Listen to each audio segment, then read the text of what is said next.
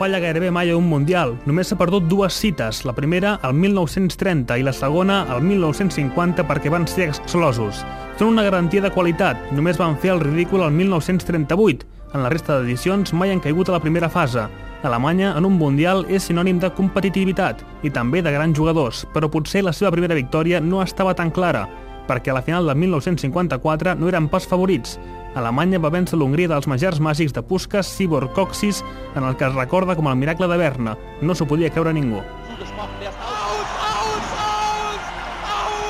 Deutschland ist Weltmeister, schlägt Ungarn mit 3 20 anys més tard, el 1974, els noms importants ja són alemanys, Paul Breitner, Franz Beckenbauer i Gerd Müller.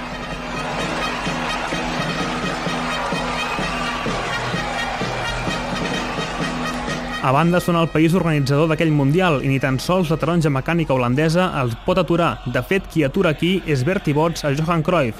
Bots el va seguir tota l'estona Cruyff, com recorda el capità alemany Franz Beckenbauer. En Johan Cruyff va patir moltíssim, no va poder liderar l'equip com acostumava a fer-ho. Bertie Box li va fer un marcatge esplèndid. Holanda es va avançar de penal, gol de Neskens, però Alemanya va reaccionar ràpid i amb gols de Breitner i Müller s'enduria el segon Mundial. Ja, Grabowski spielt auf. Bonus. Müller. Und 2-1. Arribaria un tercer al 1990 contra Argentina i des de llavors sequera germànica que tot i presentar-se sempre a les últimes rondes no ha pogut aixecar cap més copa. L'última final la van jugar contra el Brasil el 2002, però la seva estrella Michael Ballack se la va perdre i l'estrella brasilera Ronaldo sí que hi va ser, i tant que hi va ser. Cleverson hacia adentro, Cleverson por abajo para Rivaldo, Ronaldo lo hace Ronaldo.